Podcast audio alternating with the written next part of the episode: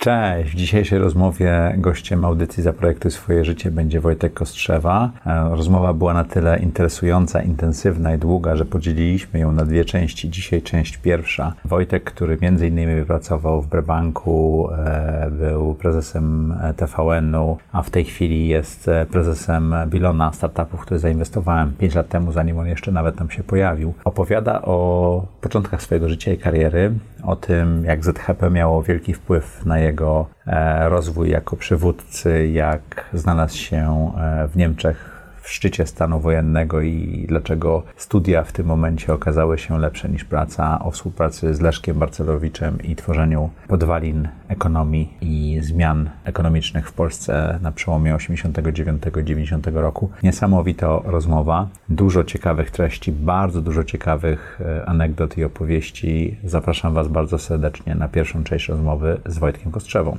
Zaprojektuj swoje życie. Zapraszam Was do mojej autorskiej audycji Zaprojektuj swoje życie. Przedstawiam osoby, które podjęły nietuzinkowe wyzwania życiowe i biznesowe. Rozmawiamy o tym, co nas napędza i dokąd zmierzamy. Historie opowiadane przez moich gości zainspirują Was do świadomego i odważnego projektowania swojego życia.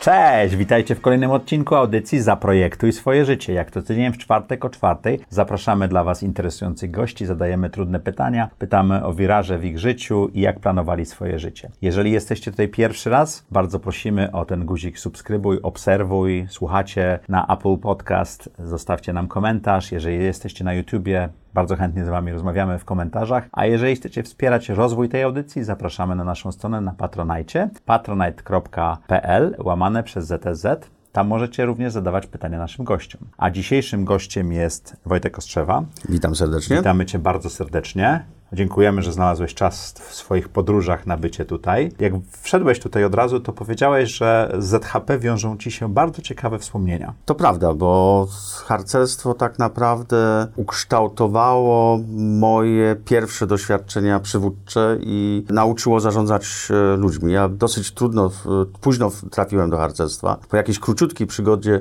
w latach szkoły podstawowej, e, ten okres czterech lat intensywnego harcerstwa to jest liceum. Miałem szczęście, że trafiłem do wspaniałej drużyny harcerskiej, e, trzecia warszawska drużyna harcerska, tak zwani zieloni. My żeśmy nosili wtedy e, zielone chusty, chyba do dzisiaj jest, są noszone, co też było wyjątkowe, bo było tylko kilka drużyn w latach 70., które nie podporządkowały się trendom i dyrektywom płynącym z góry. Kapitalne towarzystwo z Saskiej Kępy. No i y, gdzieś to trafiło przede wszystkim przez, poprzez turystykę. Ja bardzo do dzisiaj uwielbiam chodzić, chodzić po górach też. Tam odnosiłem swoje pierwsze sukcesy e, sportowe, ale szybko widocznie moi przełożeni odkryli, że mam też jakiś talent do organizowania ludzi. E, I w związku z tym w wieku 17 lat i 18 i prowadziłem obozy i byłem kwatermistrzem, co w późnych latach 70. zadanie, żeby wyżywić 150 e,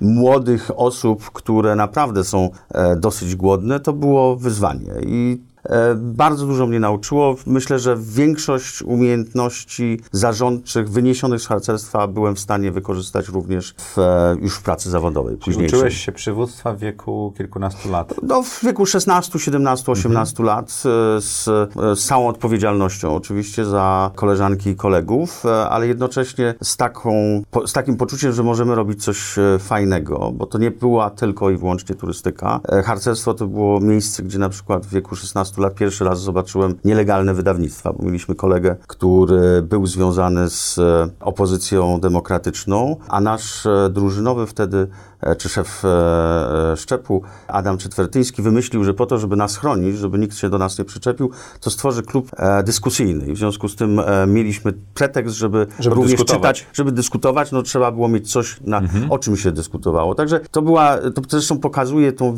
wielopłaszczyznowość i zróżnicowanie ówczesnego harcerstwa. Na pewno były zespoły totalnie konformistyczne, które się wpisywały w ówczesny reżim, ale były właśnie też takie, które testowały granice tolerancji władzy, a ta granica w późnych latach 70. wbrew pozorom nie była tak niska, tylko raczej się, e, przynajmniej Mhm. W, duży, w dużych ośrodkach miejskich e, sporo można było. Mhm. A jak do tej pory wyglądało projektowanie Twojego życia? To zabrzmi banalnie, życia nie można zaprojektować. Słyszysz to prawdopodobnie na każdym. A potem na e, w każdym, pytaniach próbuję udowodnić, że nie do końca tak E, jest. Nie, bo, e, znaczy, bo to, jest, to jest trochę i tak i nie. W- Okej. Niemcy mają takie ładne wyrażenie jain, które jest zbitką słów tak Bardzo nie. uwielbiam to.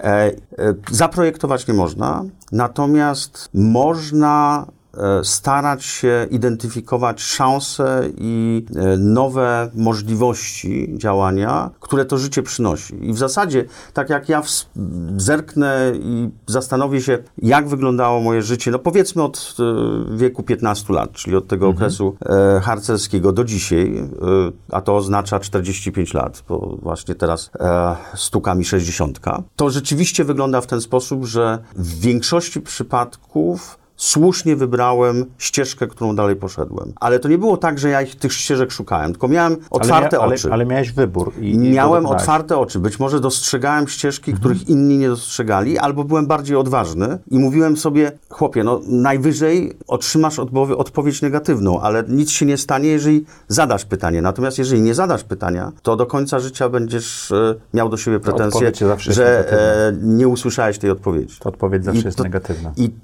ja jestem również sportowo zapalonym golfistą. Jest też takie, taka stara zasada w, w golfie, że jak stwierdzili naukowcy amerykańscy, 100% piłek, które były uderzone za słabo, nie wlatuje do dołka. Natomiast 50% tych, które były uderzane do, za mocno, jednak wlatuje. No i z tego, e, z tego wynika dosyć jasne przesłanie. Próbuj. Jak nie próbujesz, to niestety staniesz w miejscu albo będziesz się cofać. A jak zarobiłeś swoje pierwsze pieniądze? Takie pierwsze pieniądze dla nastolatka. e, op- Opowiem kilka takich. Kilka doświadczeń, które miałem z zarabianiem pieniędzy. Po pierwsze, ja zawsze miałem problem z budżetem własnym, to znaczy moje wydatki z reguły przewyższały moje przychody e, regularne i w związku z tym dosyć szybko e, zacząłem się zastanawiać, jak e, skorygować tą nierównowagę, ale nie próbując ograniczać wydatki, tylko raczej zwiększyć dochody. E, Pierwszą poważną pracą to było rozwożenie na rowerze telegramów. Poczta Polska w roku 75, 74, 76 miała taką usługę. Że pła- płaci, E, płaciła Tak, ja mu, chyba ludziom? musiałem mieć 15 albo 14 lat, już nie pamiętam, ale była jakaś taka e, e, granica wieku. Ja przyjeżdżałem, e, mieszkałem, tak jak już wspomniałem, na e, Saskiej Kępie, ale odpowiednia filia poczty, gdzie dostawało się te telegramy do rozwiezienia, e, była bodajże na ulicy Grochowskiej, więc musiałem pojechać na rowerze, odebrać telegramy jeździć po różnych dziwnych e, zakątkach Pragi Południe, gdzieś tam w promieniu 5 kilometrów. E, oczywiście zarobek nie pochodził z tego, co płaciła poczta symbolicznie, ale z e, tych 5 czy 10 zł, które się za, za, dostawało jako napiwek. Bardzo ciekawe doświadczenie, bo pierwszy raz w życiu wchodziłem też na podwórka, które normalnie bym nigdy się nie odważył wejść. Ci, którzy pamiętają Pragę z lat 70., będą wiedzieli o czym. A o czym rower się nie bałeś? O rower wtedy jakoś, znaczy ja wątpię, żebym miał jakiś super rower, Mhm. więc myślę, że. A poza tym rowery to raczej nie były popularnym środkiem Okej. transportu w Warszawie e, w latach 70., więc e, kradzieży było mniej chyba nawet niż e, na wsi. Drugim sposobem, już znacznie bardziej ambitnym, który pozwalał o bycie się też ze sceną i ze sztuką, to było statystowanie. Też w latach, w latach teatrze siedem- czy w w filmie? teatrze, w teatrze w latach 70. Teatr Powszechny, Mhm. e, dzisiaj imienia Hübnera, wystawiał Cesarza Kapuścińskiego. Bardzo głośny spektakl wówczas, który był bezlitośnie tępiony przez cenzurę, także mieliśmy limit bodajże e, przedstawień na małej scenie, wchodziło 300 czy 250 osób. Mieliśmy limit przedstawień dwa albo trzy w miesiącu, czasami cztery.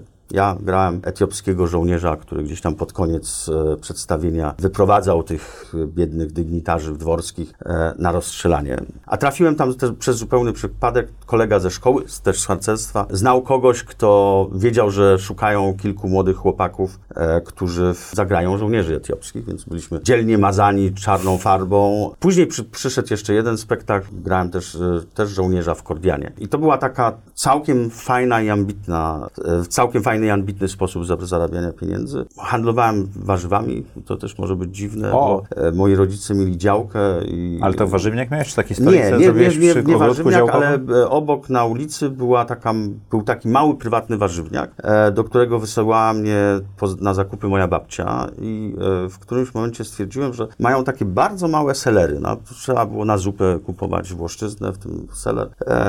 A u nas na działce selery nie, z nieznanych mi powodów Rosły bardzo duże. duże rosły. No i skalkulowałem, że sprzedaż selera z mojej działki, a raczej z działki moich rodziców w ilościach hurtowych przyniesie ulgę e, mojemu e, niezbilansowanemu budżetowi. A rodzice tak- jak się... A rodzice powiedzieli, jak chcesz e, uprawiać ten kawałek i pielić, i to możesz z tymi selerami zrobić, co, co chcemy. Czyli byłeś E, rolnikiem. Byłem, e, byłem e, w pewnym sensie rolnikiem, to robiliśmy z moim bratem. No a później pierwsze pie, solidne pieniądze to, to były tak naprawdę dwie przygody już studenckie. Byłem przewodnikiem e, wycieczek zagranicznych, niemieckojęzycznych i zaraz, a zaraz po maturze wyjechałem e, do Wiednia, no pewno tak jak większość ówczesnej tam e, generacji, po to, żeby przez dwa miesiące zarobić sobie trochę pieniędzy przed rozpoczęciem studiów. To był też mój kontakt, pierwszy kontakt z bankowością, bo pracowałem w warsztacie, który robił torebki, reklamówki dla e, Wiener Sparkasse, czyli dla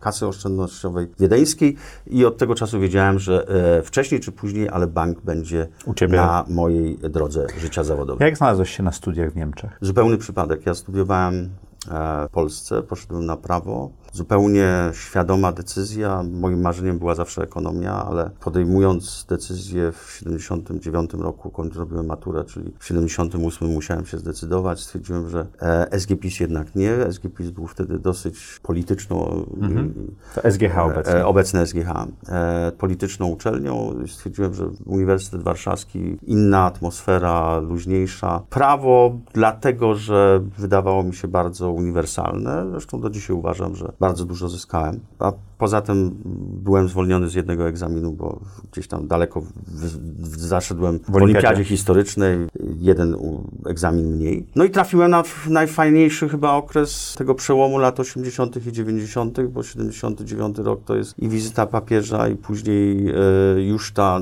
to napięcie polityczne, które, Początki Solidarności. które wybuchło w sierpniu 80. Uniwersytet wtedy był wspaniały w ogóle, bo to, to, była, to było to miejsce, gdzie się y, chodziło i dyskutowało. Dzisiejsi przedstawiciele y, klasy politycznej, mimo że część z nich wtedy też była w podobnej sytuacji, często zapominają i nie opowiadają swoim zwolennikom, że to był taki okres, kiedy można było na Uniwersytecie Warszawskim, NZS, do którego ja należałem, można było w jednym pokoju rozmawiać z chłopakami z SZSP, czyli z e, e, Socjalistycznej Organizacji Studenckiej. I była. I była dyskusja. I była dyskusja, i była, i była też, było zrozumienie, że coś, coś ważnego się dzieje. To był moment, kiedy dane mi było założyć międzynarodową organizację która istnieje do dzisiaj. która istnieje do dzisiaj, ELSA European Law Student Association, coś co powstało na, idea się rodziła gdzieś tam w 80 roku na jesieni w Budapeszcie na zjeździe przedstawicieli kół naukowych prawników, no bo to, to róż, najróżniejsze organizacje odgrywały w tym rolę. I to było w zasadzie, to był taki pomysł, że po pierwsze studenci ekonomii mają swoją bardzo fajną organizację, czyli IESEC. Była, powstała bodajże we wczes, w drugiej połowie lat 40.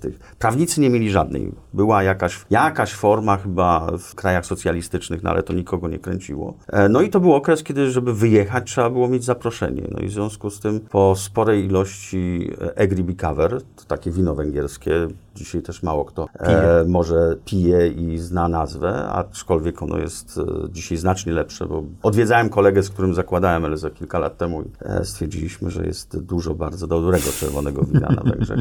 W takiej atmosferze stwierdziliśmy, no dobrze, no to założymy organizację. Tak? E, założyć organizację studencką w roku 80 w warunkach Układu Warszawskiego, podziału Europy. To się- międzynarodową. i to międzynarodowo wydawało się zupełnie niemożliwe i to, że w ogóle ona powstała, można zawdzięczać totalnemu przypadkowi. To znaczy, po pierwsze, e, koledzy z Austrii przejęli pałeczkę i powiedzieli, Wiedeń jest e, neutralnym miejscem, prawda, szpiedzy wszyscy inni. Się spotykają tak, na kawie. spotykają się na kawie, więc założymy tam jako stowarzyszenie, a my żeśmy w, po rozmowie z, bodajże w, z prorektorem do spraw studenckich Studencki, który powiedział, zapomnijcie, żeby składać wniosek do ministerstwa, bo nikt wam nie, za, nie z, wyda zgody. Ale gdyby koło naukowe prawników chciało przystąpić do takiej organizacji, to to jest kompetencja moja prorektora. Ja wam na to dam zgodę. I tak, tak to powstało. Czyli to dlatego, że w Wiedniu się założyło, mogliście przystąpić, My tak? żeśmy mogli przystąpić i e, argumentując, że to jest takie, no prawie stowarzyszenie kół naukowych, no troszeczkę, Okej. troszeczkę inne. No ale jak już zostało zarejestrowane, to zostało zarejestrowane. E,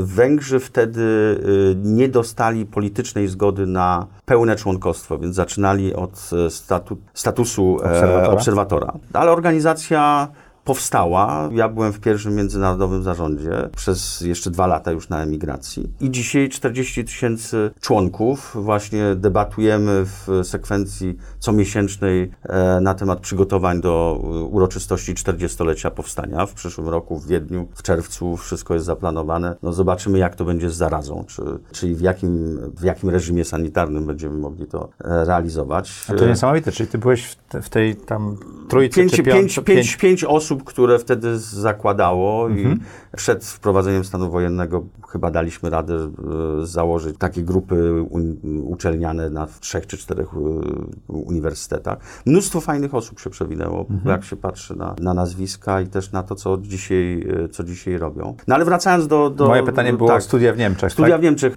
Ponieważ byłem aktywny, byłem niemieckojęzyczny, ja dosyć późno zacząłem się uczyć angielskiego. W czasie strajków studenckich na jesieni 1981 roku władze Komitetu Strajkowego spytały się, czy mnie, czy mnie zaopiekował się takim profesorem prawa, który z Berlina Zachodniego przyjechał i chciał zobaczyć, jak ta polska studencka rewolucja wygląda. No A ty mówisz po niemiecku? Mówiłem po niemiecku, szkolny niemiecki, ale na tyle wystarczający i trochę wyszlifowany przez pracę z grupami e, turystycznymi, że zajęłem się nim, a on w ramach rewanżu za zajęcie napisał mi później, że zaprasza w takim razie do Berlina, e, do, na uniwersytet, bo chciałbym, żebym na seminarium, który prowadzi e, dla swoich studentów o prawie państw socjalistycznych, coś opowiedział o tym, co się dzieje w Polsce.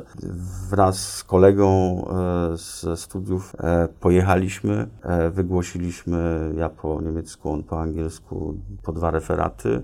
No i mieliśmy samolot z Berlina Wschodniego do Warszawy na 12 grudnia, ale 12 grudnia zostaliśmy poinformowani, znaczy wcześniej chyba, przez e, dwa dni wcześniej, bo to nie, nie było wtedy żadnego środka komunikacji. Trzeba Nie- było nie było Messengera. 48 godzin wcześniej, chyba czy 72, trzeba było pojechać do e, biura lotu, które się znajdowało do dzisiaj, chyba się znajduje na Budapesterstrasse Mhm. w samym centrum Berlina Zachodniego i potwierdzić, że chcemy się wylecieć. Ale dowiedzieliśmy się, że my chce, możemy chcieć lecieć, ale nie polecimy, bo właśnie jakaś grupa zorganizowana niemieckich turystów, którzy lecą do Tajlandii przez Warszawę się zameldowała i dla nas nie ma miejsc i zaproponowano nam na 14 grudnia. A co- 81 roku. 81 roku, a co było 14 grudnia, 13 grudnia każdy wie. Y, Ja akurat y, dosypiałem po... Czyli utknąłeś za murem berlińskim w czasie stanu wojennego. Utknąłem za murem berlińskim w czasie stanu wojennego i no i się zastanawiałem, co dalej, bo to też nie, no, to była działalność, działanie takie w bardzo dużej niepewności. Podobnie jak E, teraz mamy z epidemią, też e, jest nie, niepewność. Jest no, trochę inna mimo wszystko. E, Zdecydowałem się właśnie pojechać do znajomych, których poznałem rok wcześniej, półtora roku wcześniej w Elzie i ostatecznie po jakichś tam peregrinacjach e, już na terenie Niemiec, a nie Berlina Zachodniego, wylądowałem na Uniwersytecie w Kilonii, czyli na samej północy, e, w e, kraju związkowym Schleswig-Holstein. I tam musiałem podjąć decyzję, po pierwsze, czy w ogóle studiować, czy też... Bo ty nie skończyłeś studiów w Polsce. nie, ja byłem na trzecim roku. Byłem Okej. po, wyjechałem w czasie piątego semestru, czyli można powiedzieć, że zaliczyłem coś w rodzaju licencjatu, wtedy Mhm. nie było tego, tego jasnego podziału. E, No i musiałem zdecydować, czy kontynuować e, studia prawnicze w Niemczech, co wydawało się od początku nonsensem, bo jednak prawo to jest wirtuozja języka, a ja przy całej umiejętności niemieckiego na pewno wtedy nie miałem e, tego komfortu i nie miałbym. Czy coś innego i wtedy wróciłem do mojej pierwszej, Do biznesu. do mojego pierwszego pomysłu, czyli jednak ekonomia. Jak już sprawdziłem, z czego słynie Uniwersytet Kiloński i okazało się, że e, przede wszystkim biznes, e, ekonomia, ale z naciskiem na ekonomię światową, to wiedziałem, to jest to. potrzebowałem jednego semestru, aby odbyć jeszcze taki uzupełniający kurs e, niemieckiego, który przygotowywał rzeczywiście całkiem fajnie do rzeczywistości studencko-uniwersyteckiej. To znaczy umiejętność pisania notatek, no, zdobycie swobody również w języku, e, języku pisanym, nie tylko mhm. mówionym. No i później z, z, opóźnieniem, bo z opóźnieniem zacząłem studia, szybko studiowałem, przyjąłem podobną metodę jak w czasach e, licealnych, czyli dostosowywałem przychody do wydatków, zaryzykowałem tym, że wysłałem chyba z 10 wniosków od, o stypendium i okazało się, że jeden był trafiony. A to było moje pytanie właśnie, uzyskałeś jakiś status w e, Niemczech? E, uzyskałem, nie, byłem, byłem e, tolerowany. Ale miałeś wizę jakąś? To było... to, było... to było tak zwane duldung, to znaczy okay. w, e, dla, dla Polaków wtedy w latach 80. było to możliwe, nie trzeba było mieć, to było E, prawo pobytu wydane ze względów humanitarnych, mhm. dlatego że byłoby nieprzyzwoite wysyłać gościa do, z powrotu do A z czego żyłeś? Złożyłem wnioski o stypendia do różnych organizacji jedna z organizacji powiedziała, ok, ciężka, ciężki czas w Polsce, jesteś dobrze zapowiadającym się studentem, więc Zainwestowali w Ciebie. Zainwestowali we mnie, a później od piątego semestru, czyli po skończeniu właśnie tego, po zrobieniu licencjatu e, na Wydziale Ekonomii zacząłem już pracować jako asystent e, w niepełnym wymiarze wymiarze godzin i to pociągnąłem do, do końca studiów, a później przeszedłem e, praktycznie bez utraty ani jednego dnia na stanowisko e, pracownika naukowego, a dorabiałem tradycyjnie McDonald's, e, bary nad Morzem Północnym, na miejscowościach. Wieczory i weekendy służyły do zarabiania. Miejscowości turystycznych, tak, no to, to klasyka gatunku. Znaczy, no ja, ja, ja, byłem barmanem w Nowym Jorku też na studiach, także tak, rozumiem to. Tak, specjalizacja, w którymś momencie miałem nawet daleko posuniętą specjalizację e, kurczaki z rożna i nad, na, nalewania piś, piwa e, w takiej uroczej miejscowości Sankt Peter, Peter Ording nad Morzem północnym, plaża szeroka na dwa kilometry. No, no, no, ale mówię, klasyka, klasyka gatunku.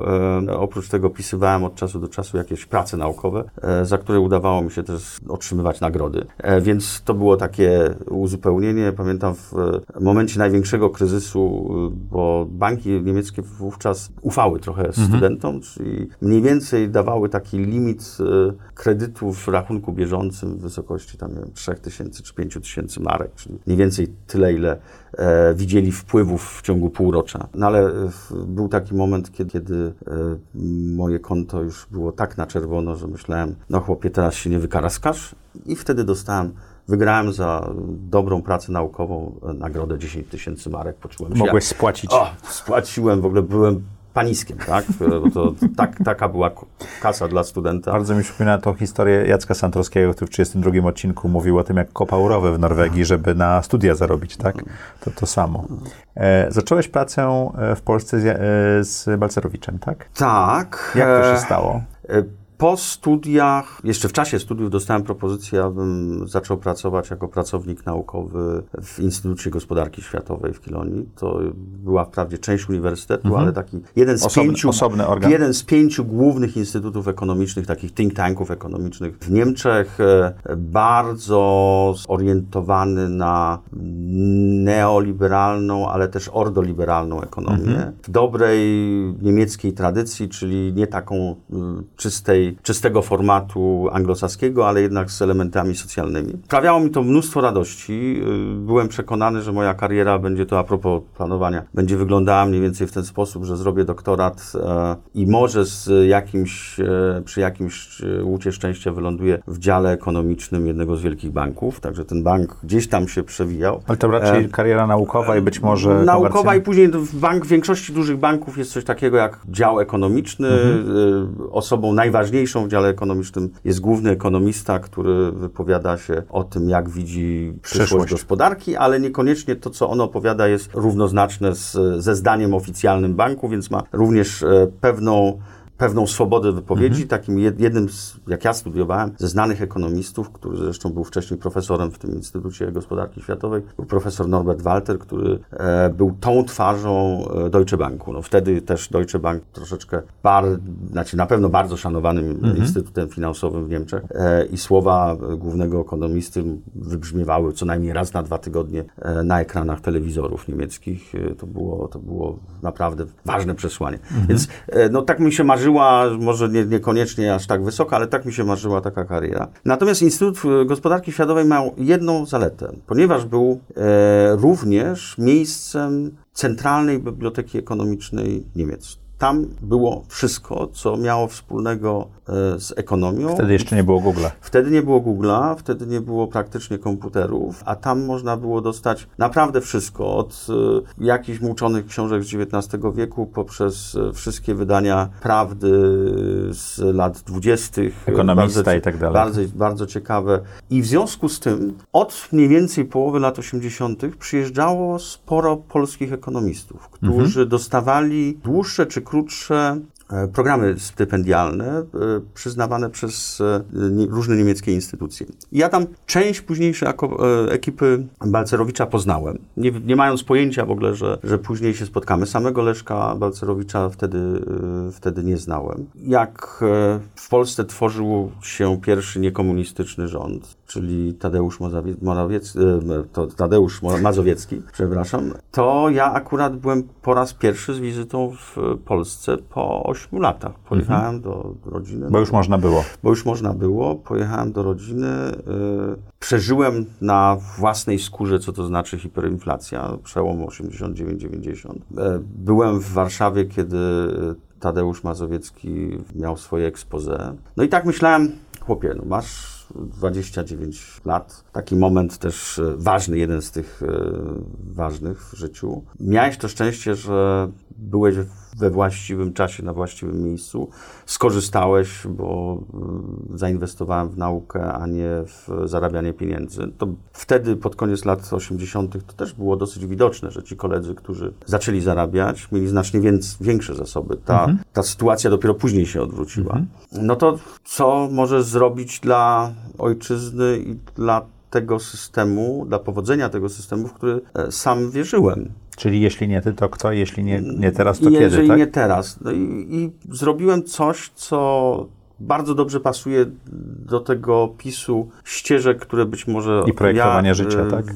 Widziałem i byłem na tyle odważny, odważny, żeby przynajmniej e, wejść na ich początek. E, Przechodząc ulicą Świętokrzyską, i to nie jest legenda, tylko tak było, wszedłem po prostu do Ministerstwa Finansów i się Tak, spytałem. z ulicy. Z ulicy. Wtedy nie było żadnej ochrony, Mhm. no bo stara władza, że tak powiem, była w rozsypce, nowej jeszcze nie było. No powiedzieli, no minister Balcerowicz tam na wyżej, tak. I Wszedłeś z ulicy do... do... Wszedłem, do, wszedłem do gabinetu Balcerowicza, do sekretariatu. W sekretariacie miła pani powiedziała mi, że niestety pana premiera nie ma, e, ale jest jego zastępca. I tak trafiłem do Marka Dąbrowskiego, Okej. któremu się przedstawiłem jeszcze raz. Powiedziałem, co robię. On mówi, super, potrzebujemy takich ludzi. E, Jak byś mógł zrobić? Wtedy byliśmy jeszcze per pan. Takie opracowanie w wolnym czasie, to, to i to. No i ja wróciłem do, do Niemiec, napisałem. Przyjechałem znowu na początku października e, na takie ważne, trafiłem na takie ważne spotkanie już zaproszony przez Marka Dąbrowskiego i przez Stefana Kawalca, który był dyrektorem generalnym, taką prawą ręką Balcerowicza w e, Ministerstwie Finansów, e, na spotkanie w Konstancinie poświęcone gospodarce, którą będziemy budo- budowali. E, organizowaną przez e, 81? 89 rok, to był 89. początek października. Czyli to jeszcze nie... E, nie e, przed, czyli przed planem Balcerowicza, Tak. ale była grupa, e, grupa posłów z klubu e, e, obywatelskiego, która no, była zainteresowana, tak? Niektórzy e, profesorowie, osoby zainteresowane. Wtedy też e, poznałem, e, pierwszy raz się spotkałem z Jackiem Kuroniem. No i tak wsiąkłem, tak? W którymś momencie... e, Czyli przeprowadziłeś się do Polski. E, przeprowadziłem się, ale nie od razu. Ja byłem, w, miałem to szczęście, że moja uczelnia powiedziała, no dobrze, na trzy miesiące dajemy ci e, urlop, później na kolejne trzy, no i w, w Ale połowie osiem... Uczelnia rozumiała, co robisz też, E, tak? Uczelnia rozumiała, co robi. Mój promotor e, powiedział, jak się go spytałem, co sądzi, prawda, no bo to by oznaczało opóźnienie zakończenia pracy doktorskiej albo w ogóle e, zrezygnację. On mówi, panie Gostrzewa, wie pan, ilu jest doktorów na świecie, a ilu osób ma, ile osób ma szansę zmieniać totalnie gospodarkę e, i wywracać ją do, do góry nogami. No i powiedział, jedź pan, tak. Także uczelnia straciła cierpliwość po 18 miesiącach, ale to, to- był ten, to- to, był to ten, długo. to był ten okres, który umożliwił mi dojście do wniosku, że moja przyszłość na pewno jest e, w Polsce. E, jeszcze przez wiele lat e, latałem między, między Warszawą a Mhm. Berlinem, bo wtedy już mieszkałem w Berlinie. Moja córka się w Berlinie u, u, urodziła. E, ale to był już moment, kiedy, kiedy miałem ważne pierwsze zadanie biznesowe po tym, jak przygoda w Ministerstwie Finansów Polski Bank Rozwoju. się kończyła, czy skończyła, to był Polski Bank Rozwoju. Jak znalazłeś się w banku? Bo to chciałeś, E, mówisz, Chciałem, od, od to, było, torebek, to, tak? było, to było trochę też takie przenoszenie moich wyobrażeń e, na temat polityki gospodarczej z Niemiec, no bo to był, Mhm. to był mój punkt odniesienia. Niemcy mieli bardzo sprawną instytucję, która się nazywa i istnieje do dzisiaj Kreditanstalt für Wiederaufbau, taki e, rodzaj banku rozwoju, który odegrał wielką, ważną rolę e, w procesie odbudowy po II wojnie światowej. Więc e, z podobnymi pomysłami, podobnymi pomysłami zapładniałem również e, kolegów i koleżanki w Ministerstwie Finansów, E, a jednocześnie myślę, że Balcerowicz e, chciał też zobaczyć instytucję, która stanie się być może taką kuźnią nowych kadr dla bankowości. No i stąd decyzja o powołaniu banku, a ja zostałem pierwszym jego prezesem i tak od zera Ile e, miałeś lat? w momencie, kiedy dostawałem, no, był podpisywany akt notarialny, miałem jeszcze 29 lat. Wow. Także, Czyli to także były szalone było- czasy. To były szalone czasy. Znaczy nie miałem ko- skończonej 30, tak. A później trzeba było, później trzeba było się odnaleźć w nowej rzeczywistości. To oprócz tego, że musieliśmy zbudować fajny bank, to ważnym zadaniem było zapewnić jego niezależność. Niezależność e, chciałem zapewnić i to się udało, zdobywając e, innych niż Ministerstwo Finansów akcjonariuszy. Udało mi się przekonać e, trzy, a później cztery instytucje z Austrii, e, Francji, Włoch i Niemiec, żeby do nas dołączyły. To wszystko były instytucje o podobnym profilu i które Czyli niekomercyjne banki, Niekomercyj, niekomercyjne banki, e, e, ale właśnie takie, w, które miały swoją misję związaną z polityką gospodarczą państwa i one rzeczywiście, one miały w sumie chyba niecałe 10%, ale wniosły ten, ten element niezależności, bo I przedstawiciele byli w Radzie Nadzorczej, wnieśli wiedzę i to pom- pomogło doprowadzić do sytuacji, w której udało się PRB wprowadzić na giełdę w 5 lat później. No a później, później już zostałem zrekrutowany przez ówczesny Brebank, którego mm, największy akcjonariusz, e, który, którego największym akcjonariuszem był wtedy Commerzbank. Już Commerzbank był wtedy, tak? tak, tylko miał chyba 20 kilka czy 30%. Bo Brebank był na E, giełdzie już wtedy. E, Brebank był na giełdzie. Brebank był pierwszym z byłych państwowych banków, który trafił na giełdę, dlatego że był najmniejszy, naj, najbardziej transparentny, w związku z tym też się nadawał trochę do e, eksperymentów. A I też był bankiem skierowanym do eksportu E, wtedy, tak, w- no za, to za był- komunistycznych to był, czasów, tak? tak? To, Był, to, był, to był bank, który został stworzony jako konkurencja banku handlowego, czyli Mhm. trochę, to zawsze jest dobrze, jeżeli się jest konkurentem, bo znaczy, że nawet polityka kadrowa jest w ten sposób prowadzona, że się mm, szuka tych e, ostrzejszych, e, bardziej odważnych, tych, którzy będą mieli odwagę, żeby pójść 10 razy do klienta i go przekonać, że. A nie że bronić warto, pozycji. A nie bronić pozycji. A Krzysztof Szwarc, ówczesny, pierwszy i ówczesny prezes, miał taką wizję, że w takim razie on powinien pomyśleć o sukcesji, która będzie przygotowana w sposób prawidłowy, czyli ten ktoś, kto być może będzie sukcesorem, powinien po pierwsze y, władać językiem niemieckim ze względu na strukturę akcjonariatu, ale z drugiej strony zostać przygotowanym. No i ja w ten sposób przez dwa lata byłem przygotowany do. e, Czyli ty nie do, poszedłeś na prezesa. nie, nie. Poszedłem na, e, na wiceprezesa, wynegocjowałem wtedy, to jest kolejna z tych ścieżek, Mhm. Wynegocjowałem coś chyba, co jest dosyć e, rzadkie. E, Otóż postawiłem jako warunek i Krzysz, Krzysztofowi i głównemu akcjonariuszowi, że ja chcę w takim razie na 9 miesięcy pojechać i do Niemiec, i do wszystkich najważniejszych oddziałów Commerzbanku. Chcę poznać, jak ta Czyli z tych firma... pierwszych dwóch lat miałeś taki 9, objazd. 9 lat miałem, poznawałem moich późniejszych kolegów, poznawałem struktury, poznawałem trochę mentalność, jak to funkcjonowało. No i to, było, to była świetna inwestycja w przyszłość, dlatego że później jak i zostałem szefem BRE i jak e, objęłem kilka lat później równolegle do szefowania BRE Bank Pozycję członka zarządu regionalnego Commerzbanku, byłem odpowiedzialny za całą Europę Środkową i Wschodnią, no to wiedziałem do kogo zadzwonić, tak? Znałem numery telefonów komórkowych. Tak, bo ci, tych ludzi spotkałeś. Spotkałem wcześniej. E, także, także taki trochę nietypowy. Z tego co wiem, e, bardzo rzadko się zdarzało, że, e, że właśnie takie warunki ktoś, kto był rekrutowany na podobne wysokie Był w stanie wynegocjować. e, e, stawiał nawet, bo to, jest, to są dwie rzeczy. E, Znaczy, jak nie postawisz, to nie będziesz wiedział, czy wynegocjujesz. E, A myślę, że tutaj ważniejsze było w ogóle to jest postawienie... chyba taki, taki temat, który, znaczy taki, taki smak, który widzę, że ty zawsze e, próbujesz więcej niż wydaje się oczywiste. Znaczy sprawdzam, czy są otwarte drzwi, tak? Jeżeli są otwarte, to, No to można dalej. A mówię, tak naprawdę niczym się nie ryzykuje. No zadaje się po prostu pod pytanie, które jest tak naprawdę nawet bardzo logiczne, tak? No ja chcę zdobyć wiedzę. Jeżeli mam być dobrym szefem największej zagranicznej instytucji firmy matki, no to powinienem też rozumieć, jak firma matka w, swoich, w swoim wnętrzu funkcjonuje, a ponieważ to nie było też oczywiste, że rekrutuje się kogoś, kto ma przez dwa lata czekać na pozycję prezesa, z czego pierwszy rok był taki najbardziej trudny, dlatego że ja po prostu dołączyłem do zarządu. W drugim roku miałem takie stanowisko, które było specjalnie dla mnie stworzone, pierwszy zastępca prezesa i to już było tak naprawdę powiedziane, ok, ten pierwszy zastępca będzie później za rok sukcesorem Krzyśka Szwarca. I myślę, że w sumie w, wyszło to na zdrowie e, wszystkich. M-Bank pojawił się jeszcze za twoich czasów. M-Bank się pojawił za To moich czasów. Co stało się rewolucją, bo, bo Brebank z banku bardzo komercyjnego, Mm. nastawionego na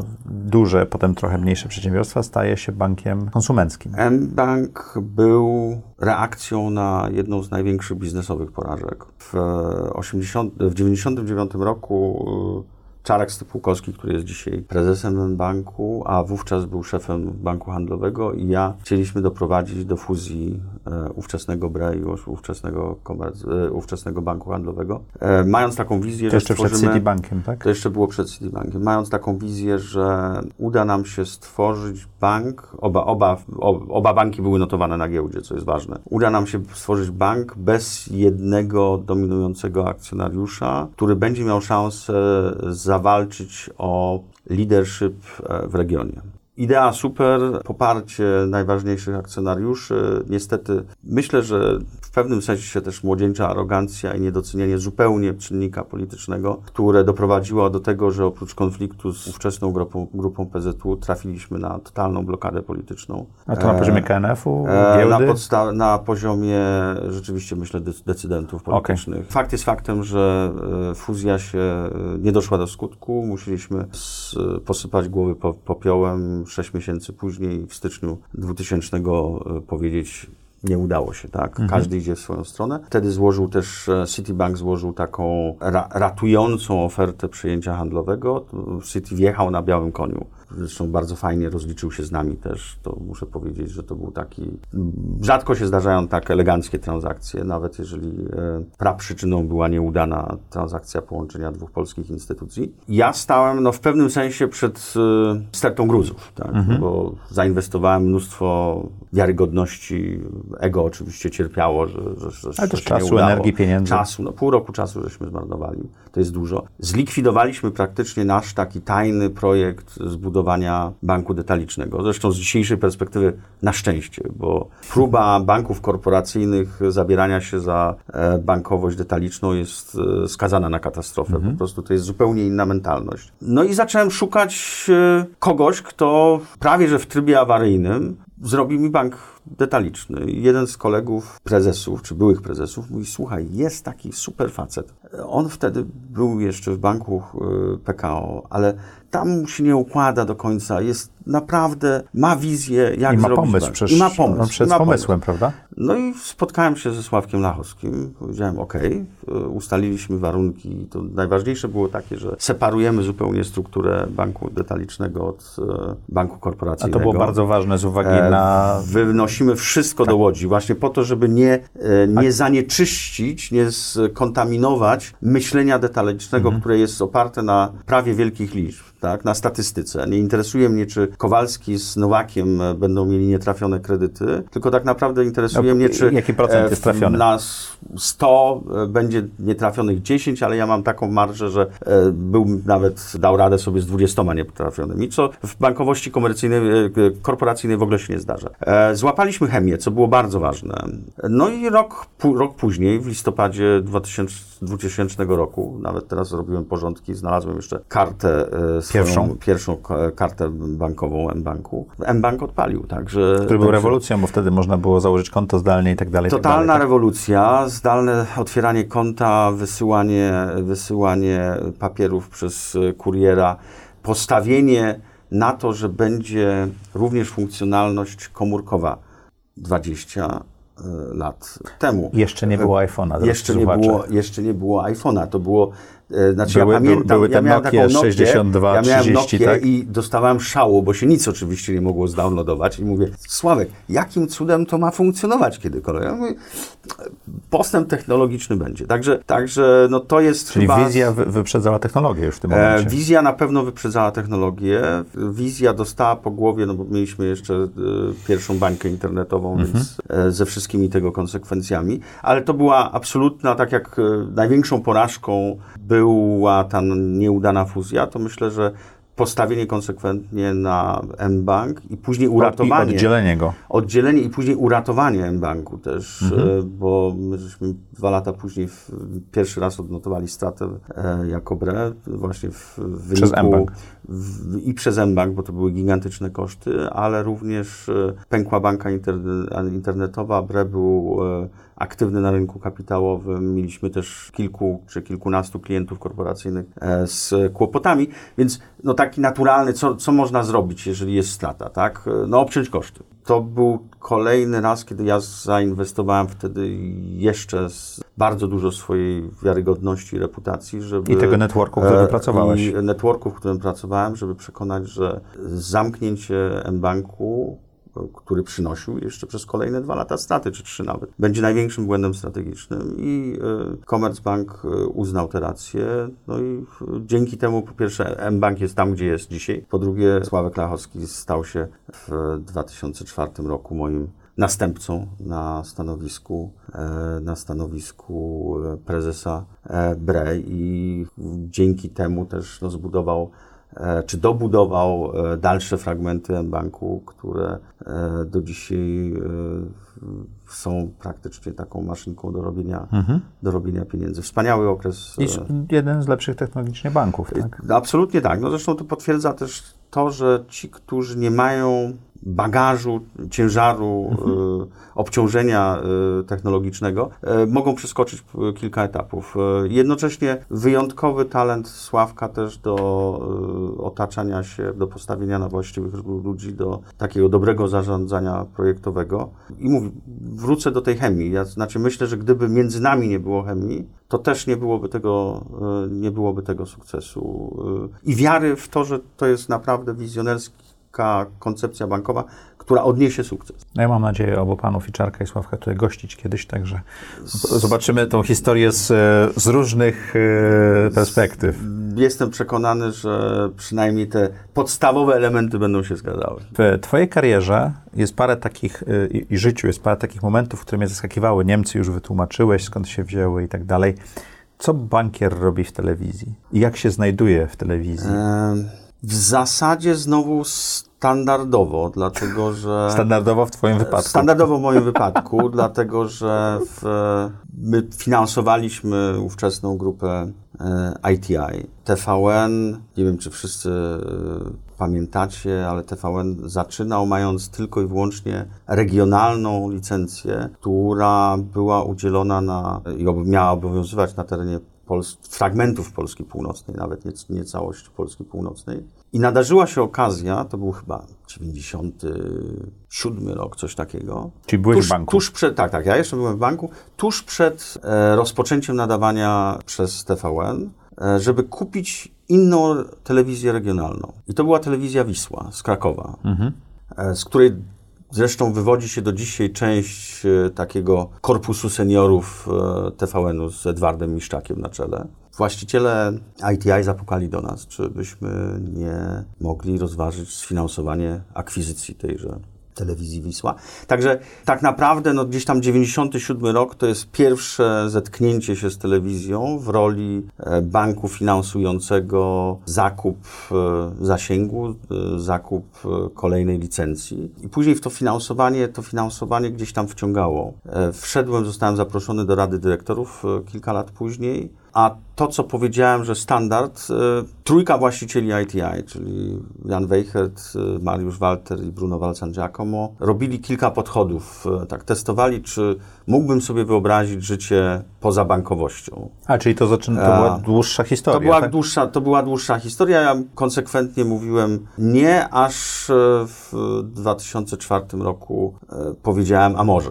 Ja się bardzo bałem zresztą. Znaczy tak, z jednej to, strony... to olbrzymia zmiana, Z nie? jednej strony wiedziałem, że to jest ten moment, bo miałem, kończyłem pod koniec 2004 roku 44 lata, więc standardowo dla faceta to jest taki moment, gdzie i w, w życiu prywatnym, i w życiu zawodowym z reguły coś się dzieje. Wiedziałem, że chcę iść przynajmniej częściowo na swoje. Tego mi trochę brakowało w e, banku. E, Widziałem coraz bardziej postępującą regulację sektora bankowego, co też nie do końca było tym, to znaczy jest niczym w porównaniu do dzisiejszej regulacji, ale już wtedy zaczynało mm, mieć Uwierać. Re, re, takie, trochę, zaczęło trochę uwierać. E, No i kusiła mnie przygoda oczywiście, e, bo znalezienie się wśród firmie e, medialnej, mającej bardzo dobrą reputację, mimo że nie wiedzieliśmy, czy to będzie sukces, no bo pamiętajmy, że e, to wszystko miało być w przyszłości wielkim sukcesem, e, ale nie było do końca na przełomie lat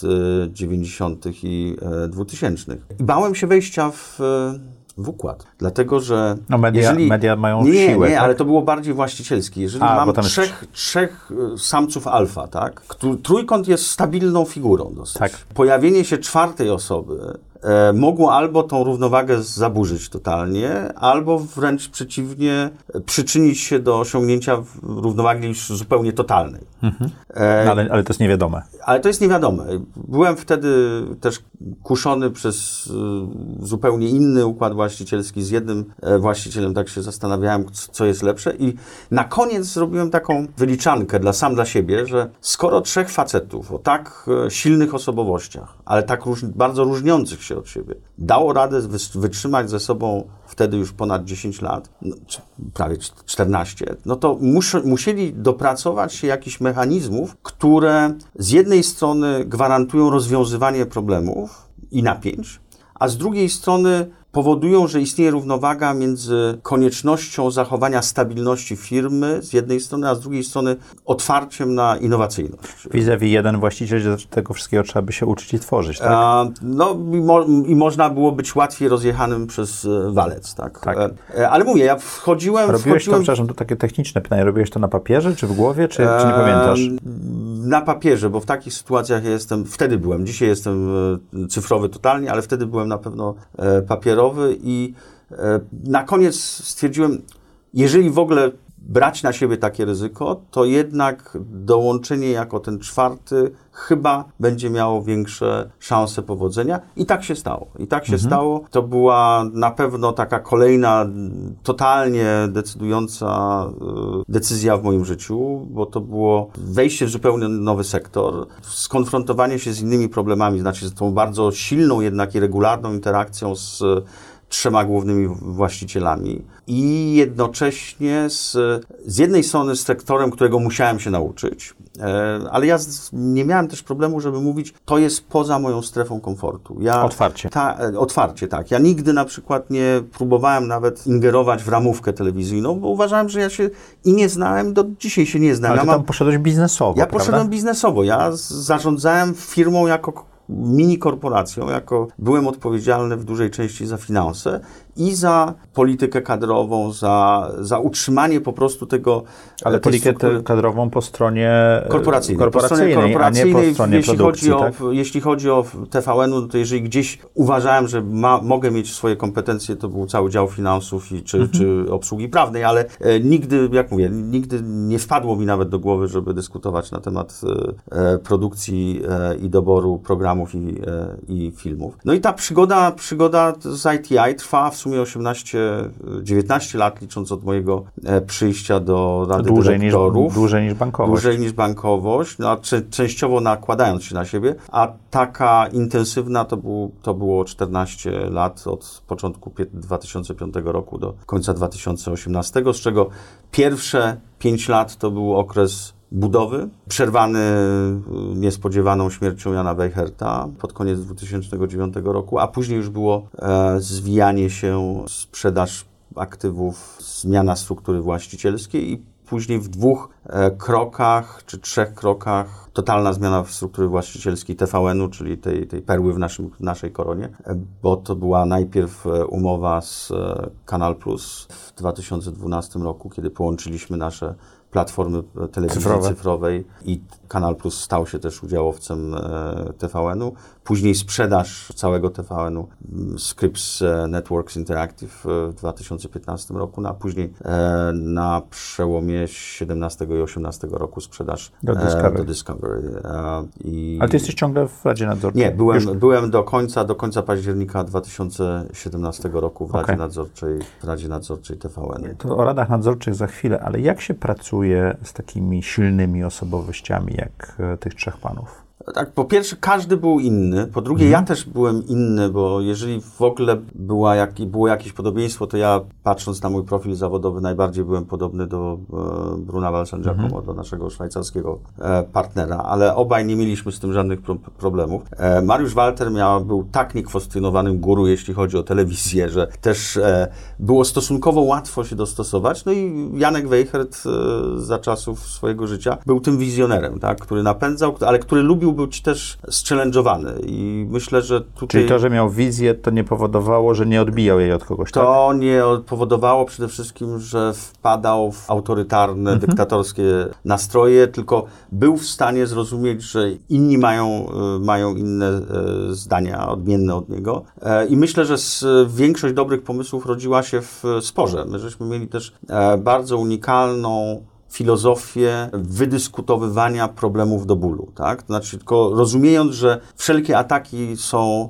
ad rem, a nie ad personam. To nie jest łatwe, bo czasami to trzeba czuć, emocje... trzeba, trzeba czuć się bezpiecznie ze sobą, Trzeba prawda? się czuć bezpiecznie ze sobą, ale cała czwórka czuła się, znaczy Mhm. że nikt nie miał wątpliwości co do własnej wartości. Ale to nie jest łatwe, dlatego że, że to trzeba y, później przełknąć i powiedzieć OK, a później idziemy y, wspólnie na kolację i na y, lampkę. Mhm. albo dwie, dwie wina i jest dobrze, tak? E, I traktujemy tą ostrą, konfrontacyjną wymianę poglądów, pomysłów jako drogę do znalezienia najlepszego rozwiązania, a nie drogę i sposób do tego, żeby dokopać partnerowi. Okej. To jest y, trochę inny poziom i mówię, nie zawsze się łatwo taki, taki poziom otwartości i szczerości osiąga, ale ja miałem szczęście, że w takiej roli się znalazłem. Ale I to też był twój wybór, jak sam powiedziałeś. to był, tak, no to był, Zastanawiałeś się, to był mój denerwowałeś wybór, ale ja nie miałem żadnej gwarancji, że to się powiedzie, bo y, A to dlaczego zaryzykowałeś? już mówiłem, 44 lata to jest taki moment, kiedy trzeba też, dusza. trzeba też podejmować inne decyzje. Mhm. Miałem 6, 6 lat za sobą w, jako prezes dużego banku, e, w sumie 8 lat w e, zarządzie BRE. No jest pytanie, co mogłem, co mogłem jeszcze e, więcej osiągnąć, a to było, to było takie zaproszenie do tego, aby drugą połowę zawodowego życia trochę inaczej ukształtować. Myślę, że e, podjąłem absolutnie słuszną decyzję, bo to było To podobnie jak w dyskusji z promotorem, tak? jak, podobnie jak w dyskusji, jak w dyskusji z promotorem. I, te, i takie obf- obfitujące naprawdę w duże wyzwania zawodowe, w duże przygody. Ja większość czasu spędzałem tak naprawdę pracując z bankierami, organizując, zresztą w, szczególnie na początku, gdy Bruno się bardziej intensywnie w- angażował w to, e, organizując finansowanie e, myśląc o tym, e, które fragmenty naszej firmy można albo sprzedać, albo, e, albo wprowadzić na giełdę i tak dalej, i tak dalej. Także na pewno fascynujący czas. Do dzisiaj jestem zresztą e, związany w pewnym sensie z mediami. Otóż moja przygoda z mediami wkracza w nową fazę. Mhm. Jestem obecnie, zostałem powołany do Rady Nadzorczej Kanal Plus Polska, więc firmy, którą już raz sprzedałem i która wyda, e, planuje wejście na giełdę papierów wartościowych i której właściciele, tym Kanal Plus e, Discovery, e, zaprosili mnie do tego, abym objął pozycję niezależnego członka zarządu. I w ten sposób... Zarządu. Niezależnego członka Rady Nadzorczej, przepraszam. Mhm. I w ten sposób medialna przygoda, która się rozpoczęła w 1999 roku, wygląda na to, że, że się kontynuuje. Przedłuży, przedłuży się jeszcze o kolejne kilka e, lat. Taka, takie zaproszenie, którego się w ogóle nie spodziewałem, a lektura które dla mnie też fajnie uzupełnia portfel moich e, rad nadzorczych i myślę, że jest też takim e, sygnałem, że wiedzę, którą się akumuluje przez e, całe życie zawodowe, można w różnej formie później wykorzystywać oddawać. i oddawać. Jednocześnie, że reputacja, którą, na którą się pracuje przez całe życie, jest czymś szalenie ważnym i że raptem bywają sytuacje, gdy byli współwłaściciele, współakcjonariusze przypominają sobie, że jest ktoś taki, kto, komu można zaufać i kogo można poprosić o pełnienie e, dosyć e, istotnej funkcji, bo to nie jest tylko i wyłącznie funkcja w Radzie Nadzorczej, ale również e, jako szef Komitetu Audytu, która, A to ważne. który dzisiaj w, to jest funkcja, która w dzisiejszych czasach staje się coraz ważniejsza. Warren Buffett ma piękne powiedzenie o reputacji, które zawsze sobie odświeżam w głowie, że reputacji buduje się całe lata, ale można stracić w kilka chwil. I to ważne jest, żeby o tym pamiętać. E, to jest, e, wiesz co, że to jest takie też bardzo ważne przesłanie dla młodszych widzów, którzy dzisiejszą naszą rozmowę obserwują, że podejmując decyzje, mając 20, 25 czy 30 lat, trzeba pamiętać, że one będą wpływały na to, jak się będzie postrzeganym e, w momencie, gdy dobijemy do tej 60. jest bardzo często tak, że partnerzy biznesowi, ale nawet współpracownicy, z którymi zaczynamy tą długą drogę przez e, zawodowe życie, będą pamiętali o wydarzeniach, o zachowaniach sprzed wielu lat. O których to, my często zapomnimy. O których my możemy zapomnieć, ale ważne jest, żeby reputacja i pamięć o reputacji gdzieś była w tyle głowy, a druga rzecz, która jest też szalenie ważna i którą też każdemu polecam, to są to jest słynny cytat z e, Władysława Bartoszewskiego, warto być przyzwoitym. To mhm. wraca wszystko, to myślę, że ja mam tyle przykładów z życia, gdzie e, ta przyzwoitość wracała i mało tego, ona była pamiętana e, przez osoby, o których żeśmy dawno zapomnieli, e, e, bo no, po prostu wyleciało z głowy, ale to, to jest coś, co trzeba pielęgnować, na co trzeba bardzo uważać.